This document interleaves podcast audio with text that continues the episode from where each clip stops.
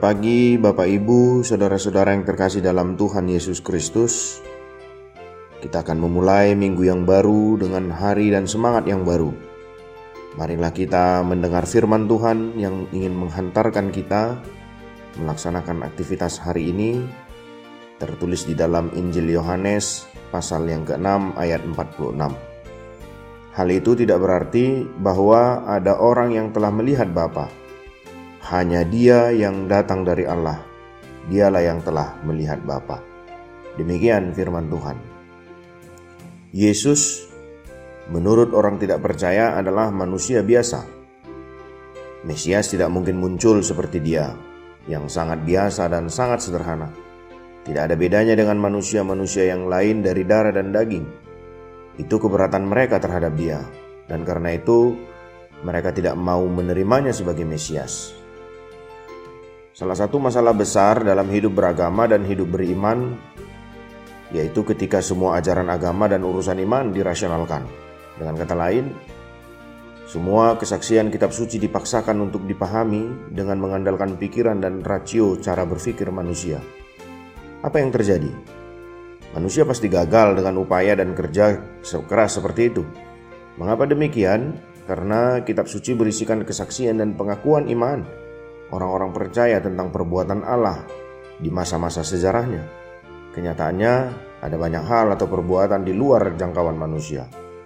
Hal itulah yang terjadi dalam nats ini di Yohanes 6 ayat 35 ditegaskan, kata Yesus kepada mereka, roti hidup Barang siapa datang kepadaku, ia tidak akan lapar lagi. Dan barang siapa datang kepadaku, ia tidak akan kubuang. Pernyataan ini sangat sulit diterima oleh orang-orang Yahudi pada waktu itu. Ketika mendengar ucapan ini, orang Yahudi dengan spontan dan tanpa pikir panjang merespon, Bagaimana mungkin Yesus anak tukang kayu menjadi roti hidup? Berbicara soal roti, dengan bangganya mereka pasti akan mengutip peristiwa padang gurun sebagai referensinya.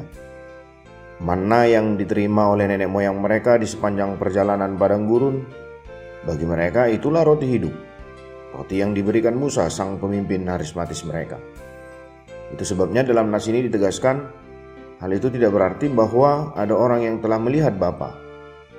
Hanya dia yang datang dari Allah, dialah yang telah melihat Bapa. Ini hendak menegaskan bahwa siapa pun orangnya termasuk Musa tidak tidak pernah secara langsung melihat Allah Bapa. Inilah yang disebut dengan era lama, Allah yang transenden, yakni Allah yang jauh dari jangkauan manusia.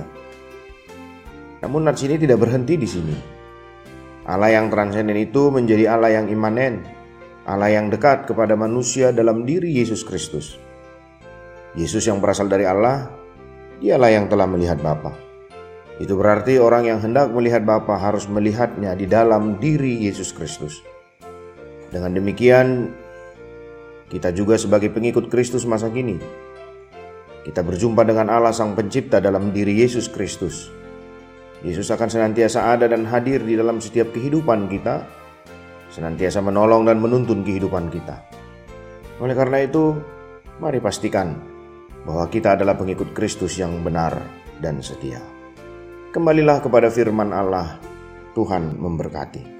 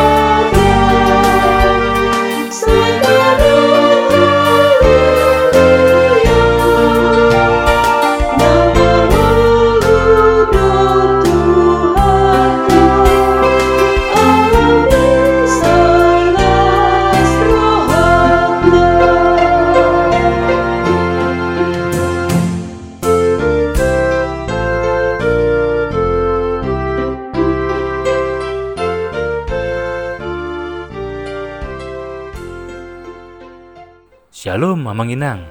Terima kasih sudah mengawali hari dengan mendengarkan renungan hari ini.